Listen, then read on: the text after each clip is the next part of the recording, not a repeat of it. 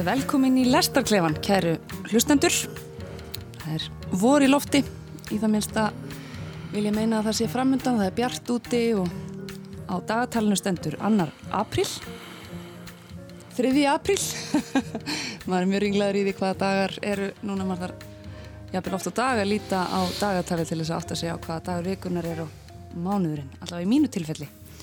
Ég heiti Guðrún Sóli Gjestóttir og umsjónumæður Lestarklefans þessa vikuna og það eru aldeilis góðir farþegar sem að slasti för með okkur í þetta sinn. Það er Björk Brynjarsdóttir, bladamadur, káospílott, leðsumar og landvörður og ímislega fleira sem hún fæst við. Verður velkominn Björk. Takk fyrir. Pavel Bartosek, borgarfulltrúi og starfæðingur, eins og við rættum hérna áðan skapandi hlaupari. Verður þú líka velkominn. Takk fyrir það. Og svo erum við að hlýða hér skinsamlegum reglum sem í gildi eru á ríkis útvarpinu Þannig að þriðji gestur þáttarins er á línunni. Það er hann Haugur Alfred Viðarsson sem er textasmiður og sérfræðingur í sælketti. Góðan daginn Haugur Viðar. Góðan dag. Halló, halló hér. Vestu líka velkomin í þáttin. Já, takk fyrir. Við ætlum í dag að ræða þrent, venju samkvæmt. Það er hinn tjúlaða sjónvarsdáttarserja Tiger King sem er að gera allt svona temmilega vittlust þessa dagana. Sínd á Netflix.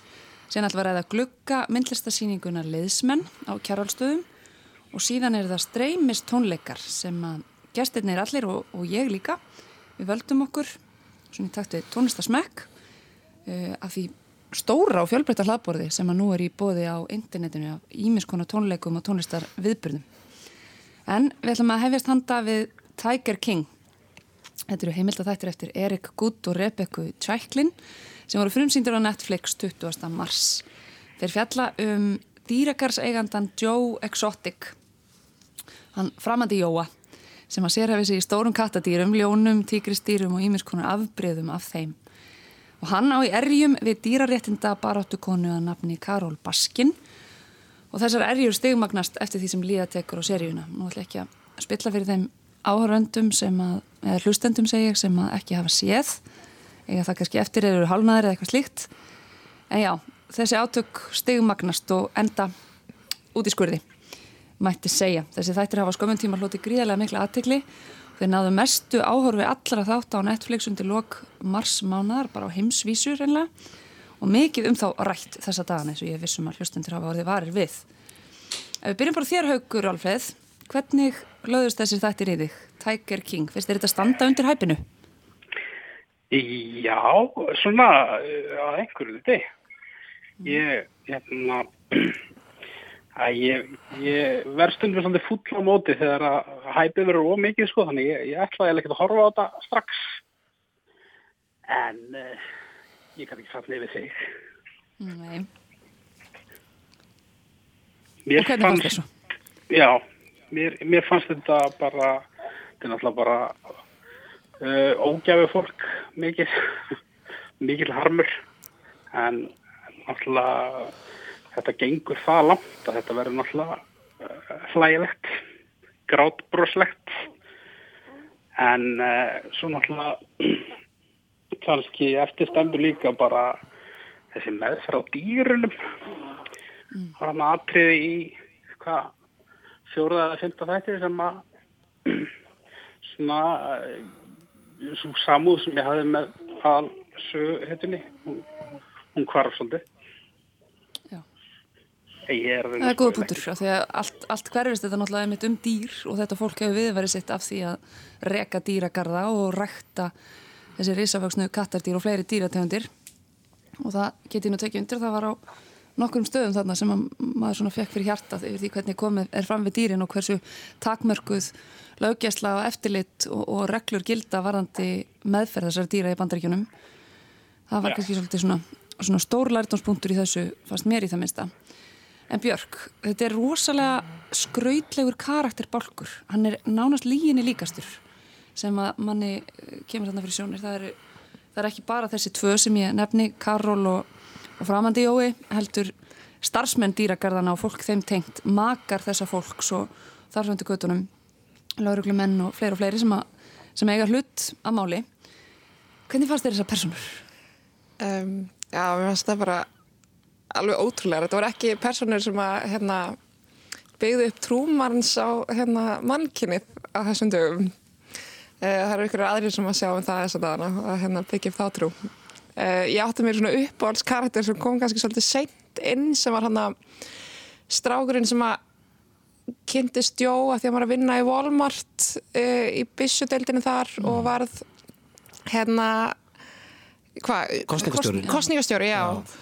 Og einhvern veginn alltaf tala um hvað hann vissi mikið um pólitík og hvað var hann væri mikið libertarian og svo það var svo magna að horfa á hvað hann var ótrúlega meðvirkur og einhvern veginn hann ætlaði svo mikið að bjarga einhvern málunum og svo á hann þess að ótrúlega setningu í lok hérna sem er einhvern veginn, svo glemdu við öll að þetta snýst allt um velferð dýrana og ég var svona, það snýrist aldrei um velferð dýrana þannig að, ég veist að, já, ég veist að ótrúlega karakter Pavel, hvaða áhrif hafið þetta?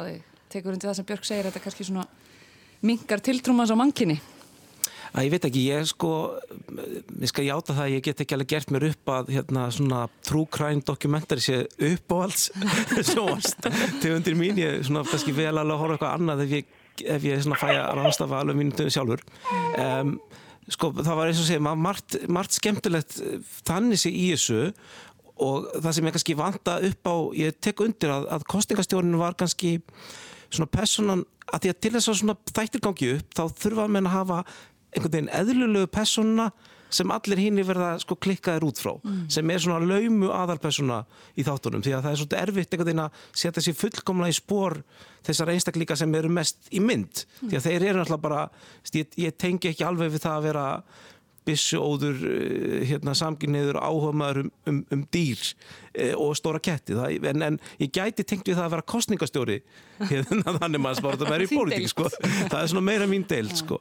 en það sem ég myndi kannski aðeins að að það, það, það er samt svona ef ég ákomið gaggrínpunkt þá er þetta einhver leiti svona smá svona launsáturs heimildarþættir það er að segja maður sér að það eru skot þarna sem eru þannig að þeir sem voru að taka átt í skotunum voru auðvitað ekki að gera sig grein fyrir því að samengið skotana er því það sem það er gert mm. maður kannski veit, veit hann öruglega með Joe Exotic sjálfur, hann var í mynda allan tíman en það er alltaf með stæmi það er einhver kemur og segir svona uh, já, er svo bara hérna, dingli í bjöllinni og ég opna inn og ég segi hæ og það er sínt sko mm. Fyrst, ég veldi fyrir hvað tilgangi að þjóna en einhvern veginn að gera öllítið lítið úr personunni, sko, þannig að maður verður kannski, veist, án þess að maður takkir sér ofháttilega út frá einhverju siðverðislega bælingum, mm. þá er samt svona ákveðin tendens í þessu að ná í myndefni í gegnum, þetta er svolítið svona eins og, eins og hérna Ali G þættirnir að sko, það er sem sérstaklega bara góðan að gera að, fá fólk inn á ákveðnum fórsöndum en, en nota síðan einhver öðru fórsöndum sko svona í einhverju niðurlæðingaskinn Já, þannig, þannig, þannig að kannski út frá því þá er ég ekki að, þá myndi ég ekki vilja að segja sko að ég sé alveg búin að missa trú á málkinu við að horfa þættina mm. verðin þess að sko auðvitað þú gæti maður klipt þetta til til þess að láta það öll vera kannski öllitið meira persónu sem maður getur tengt við sko mm. Nú erum við svona aðeins búin að snerta á því helsta og, og þessum karakterbálki Við skulum heyra smá brot úr kynningastiklu þessara þáttar til þess að leiða þá hlustendur sem ekki þekkja til í, í smá sannleiku um, um hvað þetta fjall allt saman. It's not every day that a zookeeper went to prison for murder for hire. There are more captive tigers in the U.S. than there are in the wild throughout the world. Good afternoon, ladies and gentlemen. My name's Joe Exotic and this is Sarge. He was like a mythical character living out in the middle of bumfuck Oklahoma who owned 1,200 tigers and lions and bears and shit. Come here, love me. Matt spoken, good looking, love to party and have fun. I don't think we're done blowing shit up today. I don't figure you are.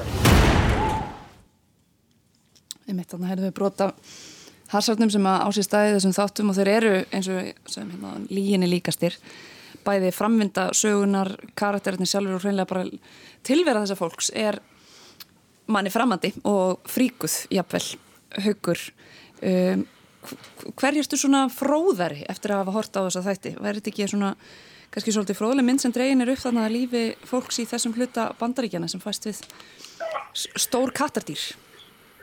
Jú í, það sem kom mér mest ávart var það að hann hvað fekk hann tæp 20% atkvæða í, í setna frambóði sínu þannig.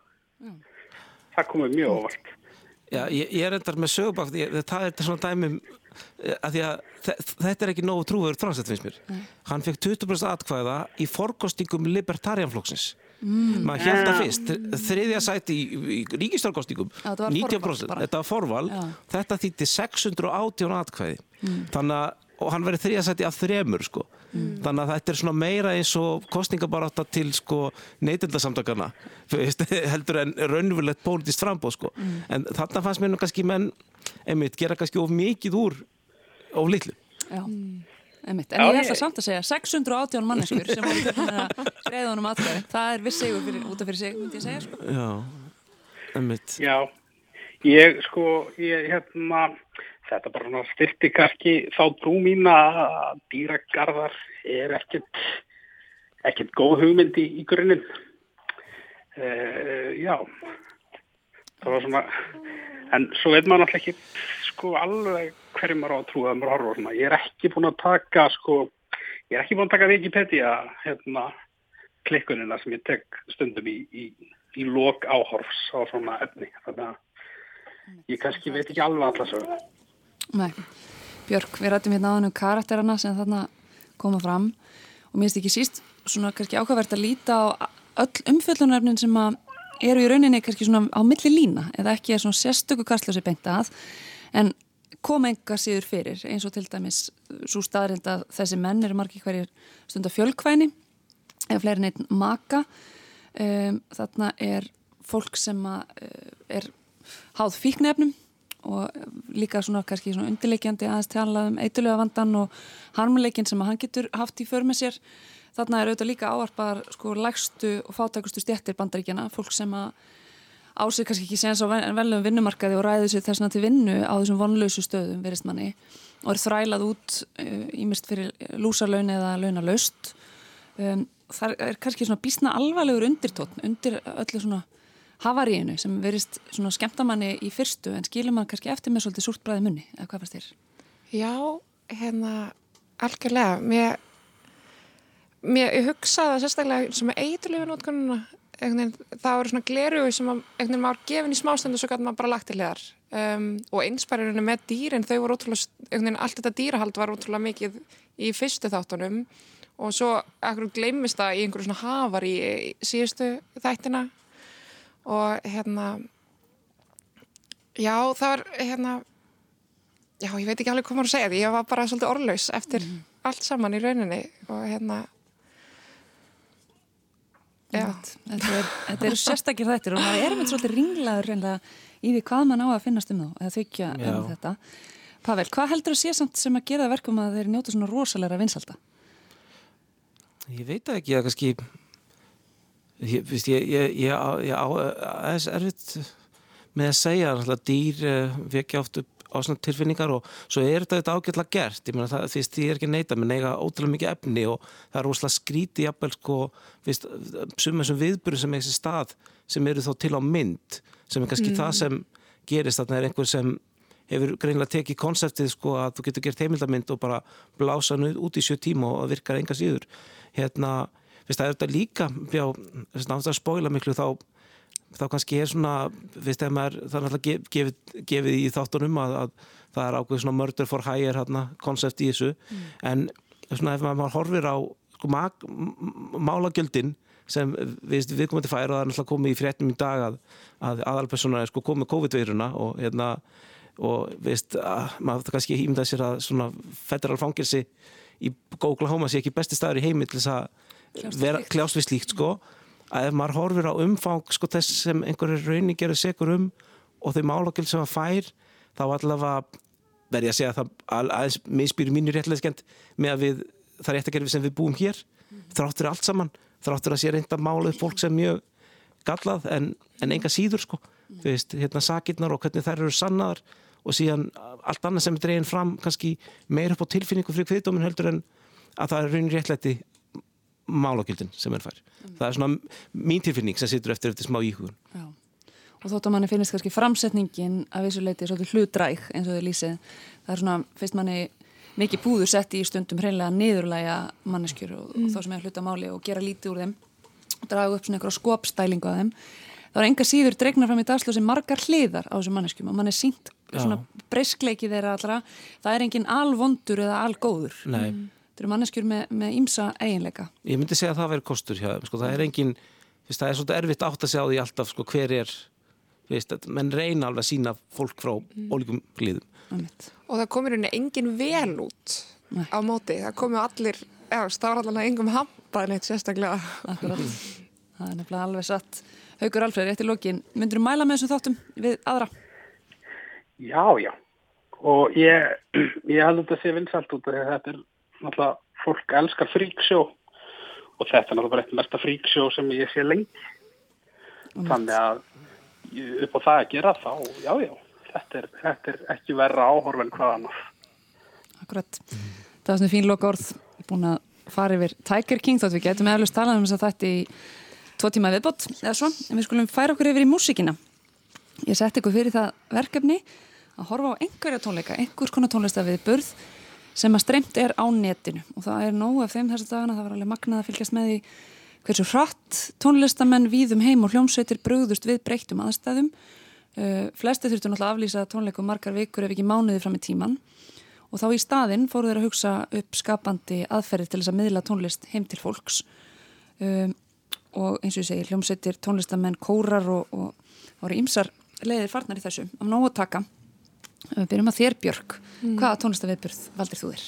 Heyrðu, ég tók, uh, það var ekki streymt í beitni en þetta var tónlistaviðbröður frá sagt, Áróru og Stúlnakóru Reykjavíkur sem að hérna tóku allar upp uh, hérna, einar heima hjá sér uh, sungu við Rómi og Júliu sem að kóratnei voru búin að setja upp fyrir nýju líf í borgarleikusinu og svo var þið klift saman og maður gæti sé svona stórt zoom af kórnum hérna að syngja saman. Heyrum endilega brota þessu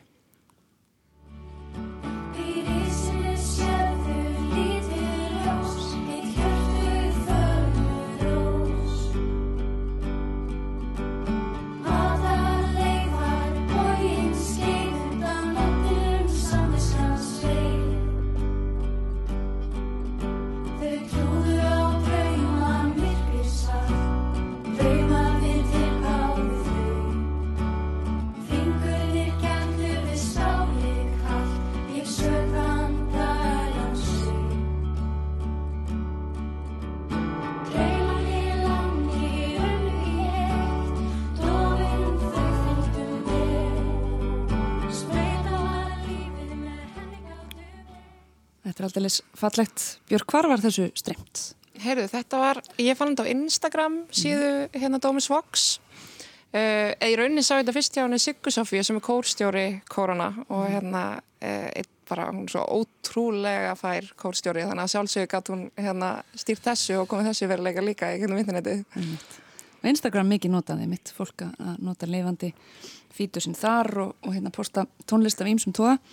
Hvernig barst þú þig að við að njóta þessara tónleika, þessara tónlistar? Í hvað stællingar setjum það sig? Mm, ég hlustaði bara á svolítið á ferðinni eða þannig og ég setti það bara á replay aftur og aftur og aftur þetta lag hérna, það er svona eitthvað lítið í manni sem að við veist Bubbi alltaf einhvern veginn á að snerta við sem er eitthvað svona lítið barn inn í manni sem er einhvern veginn alltaf að reyna að harka af sér sérstaklega þessum tímum og hann alveg hérna mikið mann og það er mikið mann ennþá meira að hlusta það í kórútsetningu og hérna þannig að Við erum öll bara ánum svolítið mjúk hérna í, í stúdiói, það var virkilega fallegt. En Haugur við, Haugur Alfreð segi ég, þú hlustaðir á hvað? Ég heiti Haugur Viðar, sko. Já, Haugur við heitir þú. en ég, ég, ég svara báðu. Uh, Akkúrat. herru, ég, ég hérna, já, þetta var sko, um, þetta var náttúrulega fyrir slistni sem ég rampaði með þetta. Ég er búin að vera í einhverjum svona ámenningar mars hérna, í, ekki einu á grunn en, en svona einhverjum k- COVID-8 Já, og uh, á laugardagskvöldi síðasta þá rampaði ég inn á slekk á uh, stofutónleika hjá tónmentakennara í Kópavogi að mér skilst sem heitir Skarphéðin Þór Hjartarsson já, og þessi viðbörður hann, hann bara eiginlega toppaði allt annað sem að ég hef fylgst með frá, frá því að, að þetta varð móðins fyrir svona vikum títum Það hlutinni hann- hratt. hlutinni gerð hratt og hann sem sagt satt hann bara í stofunni sinni með Ramax piano og uh, Notnablöð og söng Billy Joel fyrir líðin í svona klukktíma og kortir eitthvað svo leis. Þetta verðum við að heyra, Haugur, fáum brott.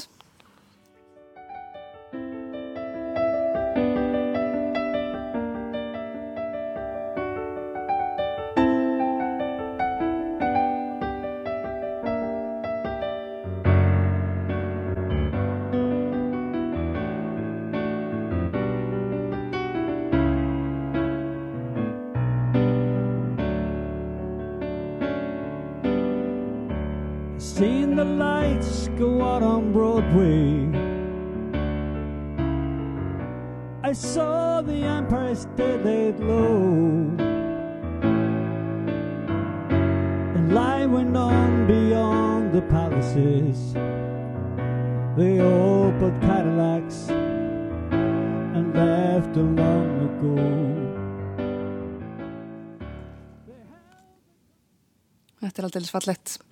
Haugur, ég svona get mér þess til að maður hefði kannski ekki heyrt í þessum ágæta tónmentakennara ef ekki hefði verið fyrir breyttar aðstæður og, og þá staðrind að fólk er að miðla sinni tónlist á netinu. Hvað ætlið þú?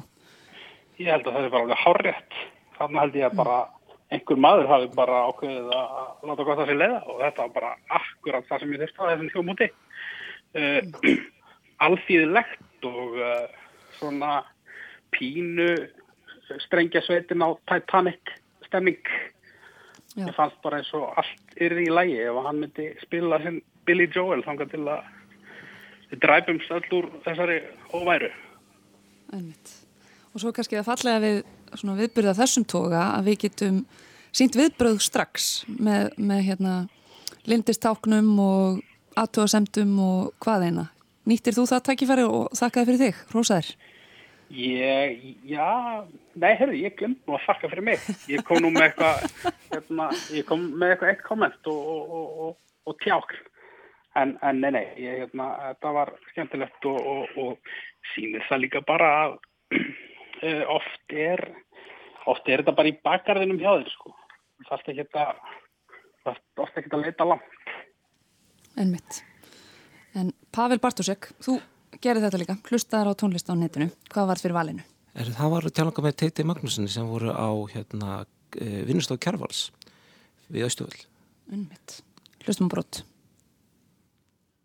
Ég nenni alltaf að elska Ég nenni alltaf að drekka Ég nenni alltaf að dreyma Einhverju nenni ég þá Ég nenni alltaf að dreyma Einhverju nenni ég þá Ó Jú, jú, þetta er luti af tónleika sirpu á vísi sem að kallast Samkoma. Er teitur miklu uppáldiðar, Pavel? Nei, ég hef ekkert mikið hlust á hann áður, ég bara svona rakst á þetta þegar ég var að vinna, ég var bara með þetta hérna í einum flipanum og að lesa einhver, einhver skjöl og skýslur eh, annar staðar, hérna í barnaherbergi hjá sinni mínum það sem, það sem eh, ég vinn, en það er þetta svona atvikast að segja, sko, eins og þú sagðir að tónlistamennum allan heima hafa bröðist við eh, þessum aðstæðum því að gefa vinnu sína enn meira mæli en áður getur maður nokkuð degi sagt að því að maður er halvbrotnir út af vorkinu fólki að því að eftir að plötu saman hrundi þá voru náttúrulega tónleikahald sko ekki eitt að aðal tekjundu fólks og nú er fólk auðvitað að reyna að fóta í þessum breytta heimi en, en þetta kannski óbreyttu mótil getur kannski ekki gengið til, til lengdar ímyndað með sér. En, en mér fannst sko mjög gaman að hlusta á svona ljúfa gítartóna og ég velti kannski fyrir mig sem ég veist kannski skemmt er því svo að ég hvort að sé ákveð svona endurkoma sko trúpadósins, mannsins með gítarin ég sé meira af því núna heldur en kannski fyrir nokkrum vikum því þetta er svo einfalt að bara grípa í gítarin og, og, og syngja eitthvað án mikillar tækni viðbútar sko. Þannig að ég, ég ætla að vona það því ég er svona uh, sjálfur svona áhuga gítarleikari og, og myndir nú að vilja sjá að hérna, þessi, þessi yðin held einhvern eitthvað áfram en myndi ekki degi út með stafnæðum tækninni. Þetta er svona kannski takt við aðra breytingar á samfélagin okkar, einhvers konar svona þróun í innfaldari átt. Já, allavega núna Einmitt. Ég ætla líka að pranga upp á ykkur mínum tónleikum hann um, James Blake sem er minn eftirlætist tónlistamæður hann var sérsagt með svolítið svona veglega og fjölbreytta langa Evrópurreisu planaða í sumar en þurfti að aflýsa henni í heild og í staðin fyrir hana til þess að svona aðeins að glæðja sína aðdáendur þá hvað hann að blása til tónleika í stofunni heima þar sem hann bara settist í píanóð og spilaði og átti á milli laga í samskiptum við, við sína aðdáendur, þetta fór fram á Instagram og hann tók við óskarlagabeðinum þetta var mjög heimilslegt og, og svona afslappað allt saman, svo sem kannski takt við James Blake alla í jafna en mér fannst þessi tónleikar alveg einstakir. Við skulum hlusta á brota þeim líka. There's a limit to love.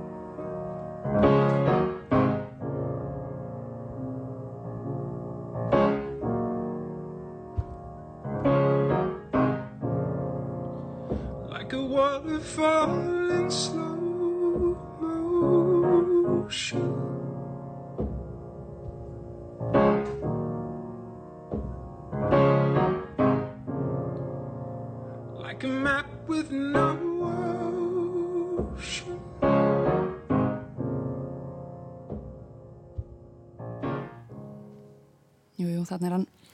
Bara James Blake og píanóið. Heima tónleikar sem að enn eru aðgengilegir á Instagram reikningum hans, ég mæli með þeim.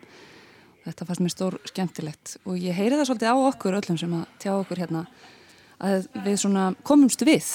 Mér finnst tónlist jafnvel hafa ennþá meiri tilfinningarleðslu þessa dagana en hún hefur alltaf jafna. Tónlistamenn eru að miðla sinni tónlist á netinu jafnvel verið að gefa út nýja tónlist og svona hugsa skapandi leiðir til þess að miðlenni venna þess að þörfin virðist kannski brýtni heldur en ofta áður. Við þurfum á okkur til að dreifa hugunum og láta okkur líða betur. Tekur undir þetta hugur veðar? Algjörlega, bara þetta er betra en, en, en öll meðal uh, sem fást ánlifsið, allavega, myndi ég segja. Björk, notar þú tónlist svona til þess að koma þér í gefn dagana, þessi misserinn? Já, alveg 100% og bara alltaf í rauninni.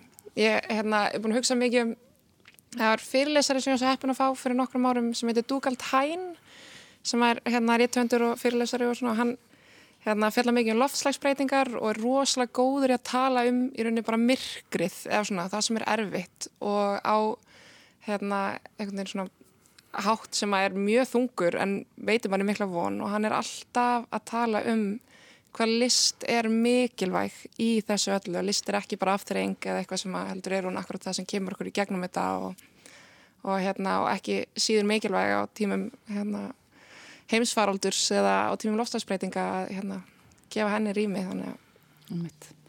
Og henni er miðlað í langa banner, eins og maður segir þessi dagana. Pavel, hver þurfa vera munurinn á því að kannski vera á tónleikum og taka inn tónlist eða sitja í leikúsal og taka inn leikrit. Maður er auðvitað svona, fyrir utan það augljósa, maður situr ekki í þvögu og tekur ekki inn svona orku salarins. Hvað finnst þér sjálfum svona vera megin munurinn á upplifuninni? ég fyrir utan það auðvitað að mér finnst skemmtilega að vera tónleikum já, bara, að svo segið það nú bara hreint út ég, hérna, að því að fólk spurt hvernig maður nýtur tónlist ég, ég, ég játa það ég kannski hlusta ekki dagstaglega alveg mjög mikið tónlist en mér finnst mjög gaman að fara á tónleika. Þannig að hérna, ég reyndar þetta hefur svona gengið ágætlega og við erum alveg skemmtilega viðbót þessi stofutónleikar en ég get ekki annað sagt en ég hlaka til þannig að hérna, hvað skal ég segja, hurðirnar opna aftur og maður getur aftur bara að fara einhver starf og hérna horta á eitthvað live band og hérna fengi sér bjór og notið þess að vera nýrum þau og jafnvel hérna reykist annar fólk á þess að þurfa að spritta sér baka fyrir. Þannig að það finnst mér bara kannski breytingin þetta er mér að reyna að komast af en, en, en ég bara plakka til þess að heitt verði aftur mögulegt. Hvílik lýsing á stemningu, Pavel, þarna held ég að margir hafi fengið smá gæsað og hlíti í hjarta. En þetta er kannski svona, maður, maður ríkheldur svolítið í ákvæðu punktana við aðstæðunar eins og þær eru. Og svona einn bjartur punktur í þessu er kannski einmitt sá og maður kann betur að meta það sem maður hefur alla jafna. Þetta er svona ámenning og þjálfun í því býsti við. En allavega, úr tónlistinni yfir í myndlist, það er síningin Liðsmenn sem er svona glugga myndlistasíning á kjarvalstöðum þar sem að búið er að koma fyrir skúltúrum sem snúa út á Klampratúni og þetta eru skúltúrur eftir sex listamenn sem að vegfærindur geta notið áfram sem sé. Og kjærvalstöðum þrátt fyrir samkomi bann, það hafa öll listasöflandsins lokað, eðli málsins samkvæmt og þessi verk voru valin úr sapnegn listasaps Reykjavíkur. Titilverk síningarinnar, um, liðsmennir, þeir eru eftir Hörpu Björnsdóttur frá árinu 1999 og önnur verk þarna er eftir Brynildi, Þorgersdóttur, Harald Jónsson, Reyn Friðfinnsson, Ólafur Nordal og Sigurð Guðmundsson. Björk, þetta er svona svolítið sérstök upplifun að rölda yfir á kjærvalstaði og skoða myndlist í glukkum. Hvernig fannst þér? Heyrðu, mér fannst þetta yndislegt. Ég fór í gær þegar það var gott veður loksins og hérna, ég var mjög vör um það að það var, held ég, starfsmar inni í húsinu og náttúrulega endurkast, en ég var svo vör um að það væri einhver sem var í raun að horfa mig, horfa á listina einu gluggan. En mér finnst það frábært og mér finnst sérstaklega, hérna voru tvö verk sem mér finnst alveg mögna, var annars vegar eftir Ólfur Nordal, hann að bróðir Rjúpunar, það var svo falleg kontrastinn í mýktinni millir fólkans, eða var þetta Örn og hérna, og Rjúpunar? Og hennar Hörpu Björnsdóttur liðsmennina sjálfa hérna, mér finnst það ótrúlega fallegt. Þetta eru glæsileg verk, fyrsta verkið svona sem blasti við og þeim mynda húsi sem ég byrjaði eftir, eftir hann Reyn Friðfinnsson. Það er svona hálfur glervasi sem að liggur á stálplötu og það er svona kannski drungi yfir því að sjá þetta einhvern veginn ósnertanlegt í ákveðinni fjarlag lokaðin í byggingunni samt getur maður notið þess á, á þann hátt sem man, maður sjálfur kýs. Var eitthvað verk sem að talaði meira til þín en annað, Pavel? Já, mér finnst þetta flott þetta fyrkið. Mm. Þetta var svona uh, að líka út af því að þar nýta menn kannski þennan um, uh, sko nú er þetta mjög skemmtilegt að segja frá myndlist í útvarpi en þarna nýta menn auðvitað þennan uh, hvað skal segja, þetta form að við geta gert ráð fyrir áratunum í ákveðum tildurnum stað undir ákveður hotni og við það hort þá lítur út eins og eh, það sé hérna vasi sem er fastur í gólfinu og svíf einhvern veginn laus lofti. Þannig að þetta er náttúrulega bara plain visualt en, hérna, en, en mjög fallegt mjög vel hefnað og hérna gaf mig fyrir krakkaskoða þannig að fyrst, ég myndi svona segja að þetta er svona aðgengalasti litverk og það sem ég skildi, skildi mest eftir hjá mér. Haukur, hvernig fjall þetta þér í geð? Varst þér gaman að skoða? Já, mér fannst sko, mér fannst eiginlega bara upplifunin að fara hana niður eftir. Ég mitt fór í, í gerð kvöldi, seint, út af því að rafmagnið fór að hérna hluta kópa oks og ég gæti ekki hort lengur á Tiger King. Þannig að ég fór upp í bíl og, og, og, og bara, bara einhvern veginn öll upplifunin fannst mér svona, það var ekkert eitthvað eitt verk, það var meira það að koma hérna í kuldanum og myrkrinu og vera pínu smeykur og En, en, en ég segi það sama, það var hérna, það var glervasin og svo var það, það konfektmólandir, hans, hans segjur þar. Það sigur þar, einmitt. Já, en þar spilar mögulega inn í, ja, mér finnst konfekt náttúrulega gríðarlega gott. uh, en, uh, og svo var það þarna fjallið, já, fjallið skemmtilegt. Já. Ég var ekki alveg að tengja við rjúpuna eða hérna, teningana. En uh, ég hef svo sem aldrei gefið mig sérstaklega út fyrir það að skilja uh, nútímalist, eða því annars nútímalist.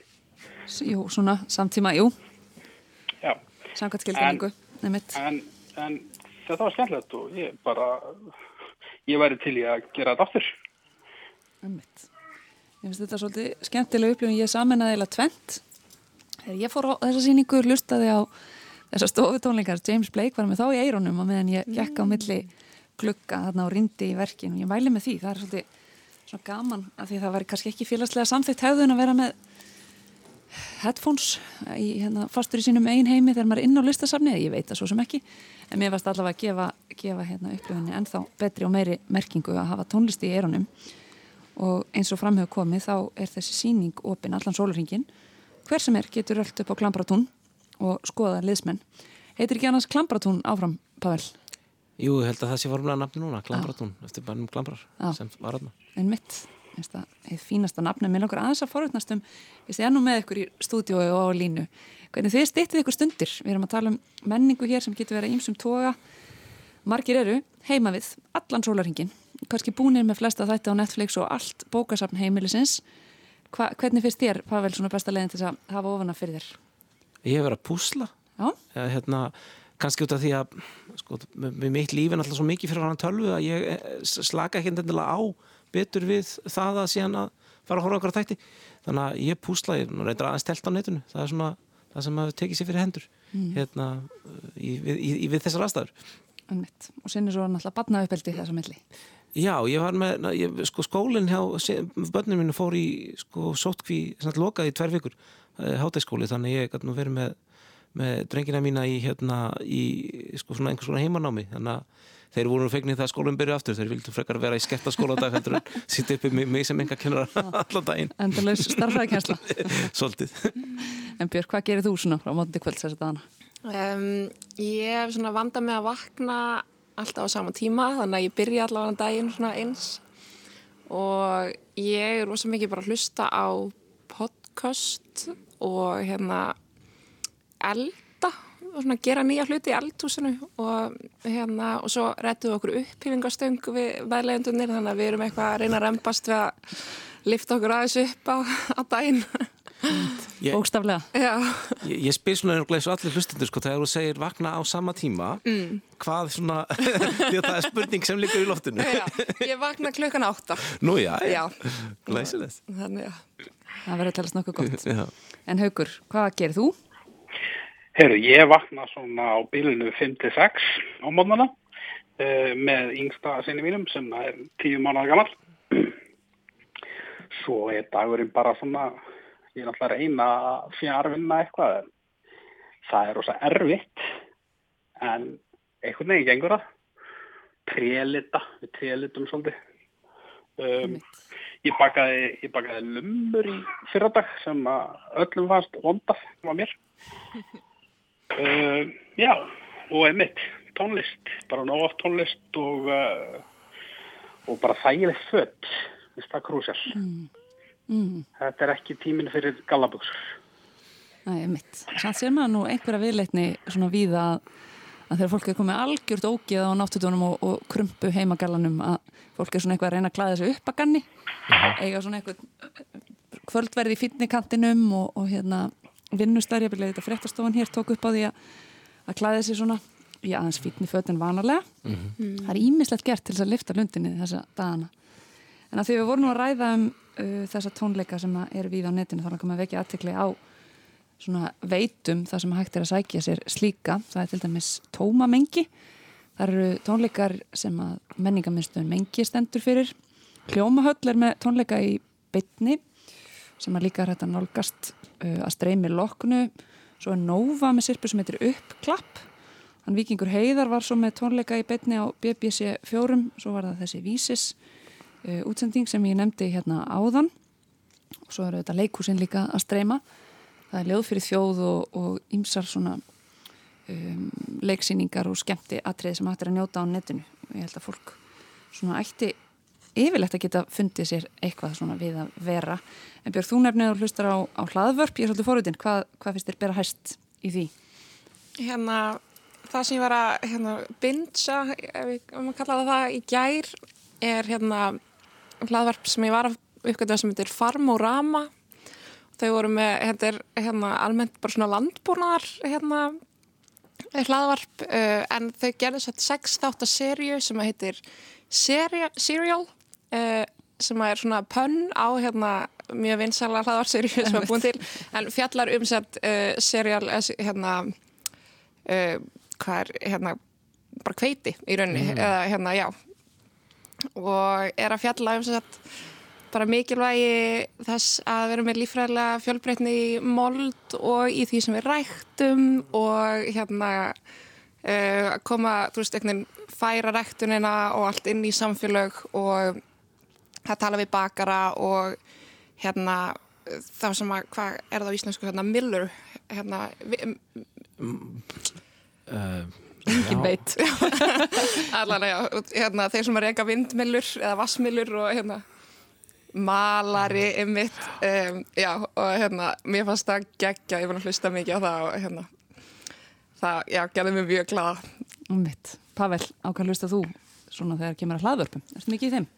Um, ekki droslega, ég hlust oft Trigonomics hlaðvarpið og svona eitthvað svona, því tengt, mér langar ekki bara aðeins að koma að það því að maður er hérna í þessum menningavettfangi sko, mm. hérna við hjá hérna þetta Reykjavíkuborg þar sem ég er að vinna sem fórsetur borgarstjórnarar og varaformaður menningar á Íþróð tónstundur ás, er þetta mjög meðvitum þetta er svona, er erfiðu tími mm. einhver leiti fyrir sérstaklega fólk sem er að vinna í listum það er margt náttúrulega búið að blása mjög mikið af og hérna og við erum svona mjög meðvituð um það og hérna, erum að vinna fullu við það að vera tilbúin þegar allt opnað aftur við það að halda verkefnum gangandi og jafnvel að koma með einhverja ínsbyttingu til þess að tryggja það að, að það fari ekki allt í vaskin sko, vegna þess að Vist, þetta er náttúrulega er víðum heim þá er fólk mjög meðvitað um þetta að þetta er mjög snúnar Glastonbury að bara fre- fresta mjög mörgu við ákvæmdins daga fresta ekki í listaháttinu heldur bara að hún muni verða þegar það er að kemur. Þannig að það er bara svona fyrst þetta er eitthvað sem ég, ég vinn svolítið mikið í að reyna að finna leiðir með þá vondi hagsmæðarum til þess að tryggja það að hérna, þetta muni ekki skilja eftir einhver svöðusár í íslensku menningarlífi þegar aflíkur vegna þess að öll þurru menningu Einmitt. Þetta var áhugavert hjá lista átt í Reykjavík en svo segið þá verður henni ekki frestað heldur er, er hérna, fullur kraftur settur í að kynna dagskráratrið og þá sem þátt taka í ár þannig að fólk getur nú þegar hafist handa við að kynna sér dagskrána Mhm. og svo verður tilkynnt síðar hvenar kannski hver og einn dagskrálegur á sér stað Já, og svona smá viðbót við erum að lýsa, við erum hefja hérna, undirbúninga að hérna, samkynni nýtt útilistarverk í Vesturbæ þannig að vonandi ímislegt sem fólk getur fengist við sko þó svo að hérna, það get ekki fara út úr húsum mikið. Einmitt. En Haukur, þú sleppur ekki við, við hlaðvaps meðmæli, hvað hlusta þú helst á? Uh, ég er mm, að tjákla mörgum sko. Ég, ég hérna, Conan O'Brien er með frábært hljóðvarp sem að, mér finnst hann finnast maðurinn til er. Það sem að fær þessu. Uh, ég er að horfa, nei, ég er alls ekki að horfa. Ég er að hlusta á hlað sem heitir Classical Classroom. Það sem að kona sem að hefur ekki hundsveit á klassiskri tónlist fær til sín uh, fólk sem að veit tölverð mikið um klassisk tónlist hljómsetta stjóra og, og, og fiðluleikara og operasöngunur og eitthvað. Það er mjög áhugavert. Svo er ég Classroom. já, svo er ég afskaplega hrifin af og nú ætla ég nú bara að plugga hérna góða kunningja mína og vini. Eh, besta plata Arnar Eggert Tórótsen og Snæbjörn Ragnarsson sem taka fyrir bara bara bestu plötur hinna og þessa lista manna og hvenna. Einmitt. Þetta ljóðum alls ekki illa. Ég vona að við séum að skaffa hlustendum góðar upplýsingar. Mér langar nú líka að mæla með ymsu. Ég hugsa að það þurfi nú valla að kynna í ljósi sögunar fyrir þjóðinni. Flestir þekkja það á geta hlaðvarp, en ég hef líka bent á leðurblökkuna, hennar veru íllega dóttur. Það eru einnig stór skemmtilegir þettir. Ég held að flestir sem hafa smekk fyrir ljósinu hafi líka gaman af leðurblökkunni. Ég mæla með henni sem er þetta fílalag, mikil klassik og ég vil meina að podcastið aðteglisbrestur og lokast í þessi einnig mikið snildarverk og sömu leiðis podcastið skoðanabræður. Þetta finnst mér svona algjör, algjört príma efni fyrir áhuga sama hlaðvarpslustendur mæli mikið með. En ég hugsa að ég tefi ykkur ekki lengur frá stofudvöll eldamennsku upphýfingum heima við batna uppeldi og, og hverju eina sem þið takið ykkur fyrir hendur heima við mikið var gaman að spjalla við ykkur heyra brot af tónleikum sem að þið hafið notið og umfjöllunum þessa sjónvars þáttaserju Tiger King á Netflix og gluggamillastasýninguna Leðsmenn. Þessari lestaferði lokið þannan förstu daginn. Ég þakka ykkur kærlega fyrir komuna Björk Brynjastóttir, bladamadur, káaspílót, leðsögumadur, landvörður, moltu, góðsögn, umhverfisvenda sinni og fleira, Pavel Bartosek, borgarfullur og starfræðingur, skapandi hlaupari og Haugur Viðar Alfredsson, textasmiður og sælgetis sérfræðingur. Ég vil útskýra það aðeins, ég gerði það ekki hérna í byrjun þáttar, Haugur. Við kynntumst þegar að þú varst reglulegur gestur í morgun útvarpið Rása 2, þar sem þú fjallaðir reglulega um svona tíðindi í sælgetis heiminum, sælgetisbransanum og tókst til umfjöllunar nýjungar og því sviði og, og hérna, byltingu þess og hérna. Það var góðu tímar. Já, haugur manngreinlega Dóttin á línunni Ég er allavega eilja með reglulega minningarnar um, um nammispjallið okkar haugur Eru þið sömulegis? Það var gott Ég þakka ykkur kærlega fyrir og óska hlustendum góðrar helgar Takk fyrir samfélgina í dag Takk fyrir. Takk fyrir góða helgi. Takk.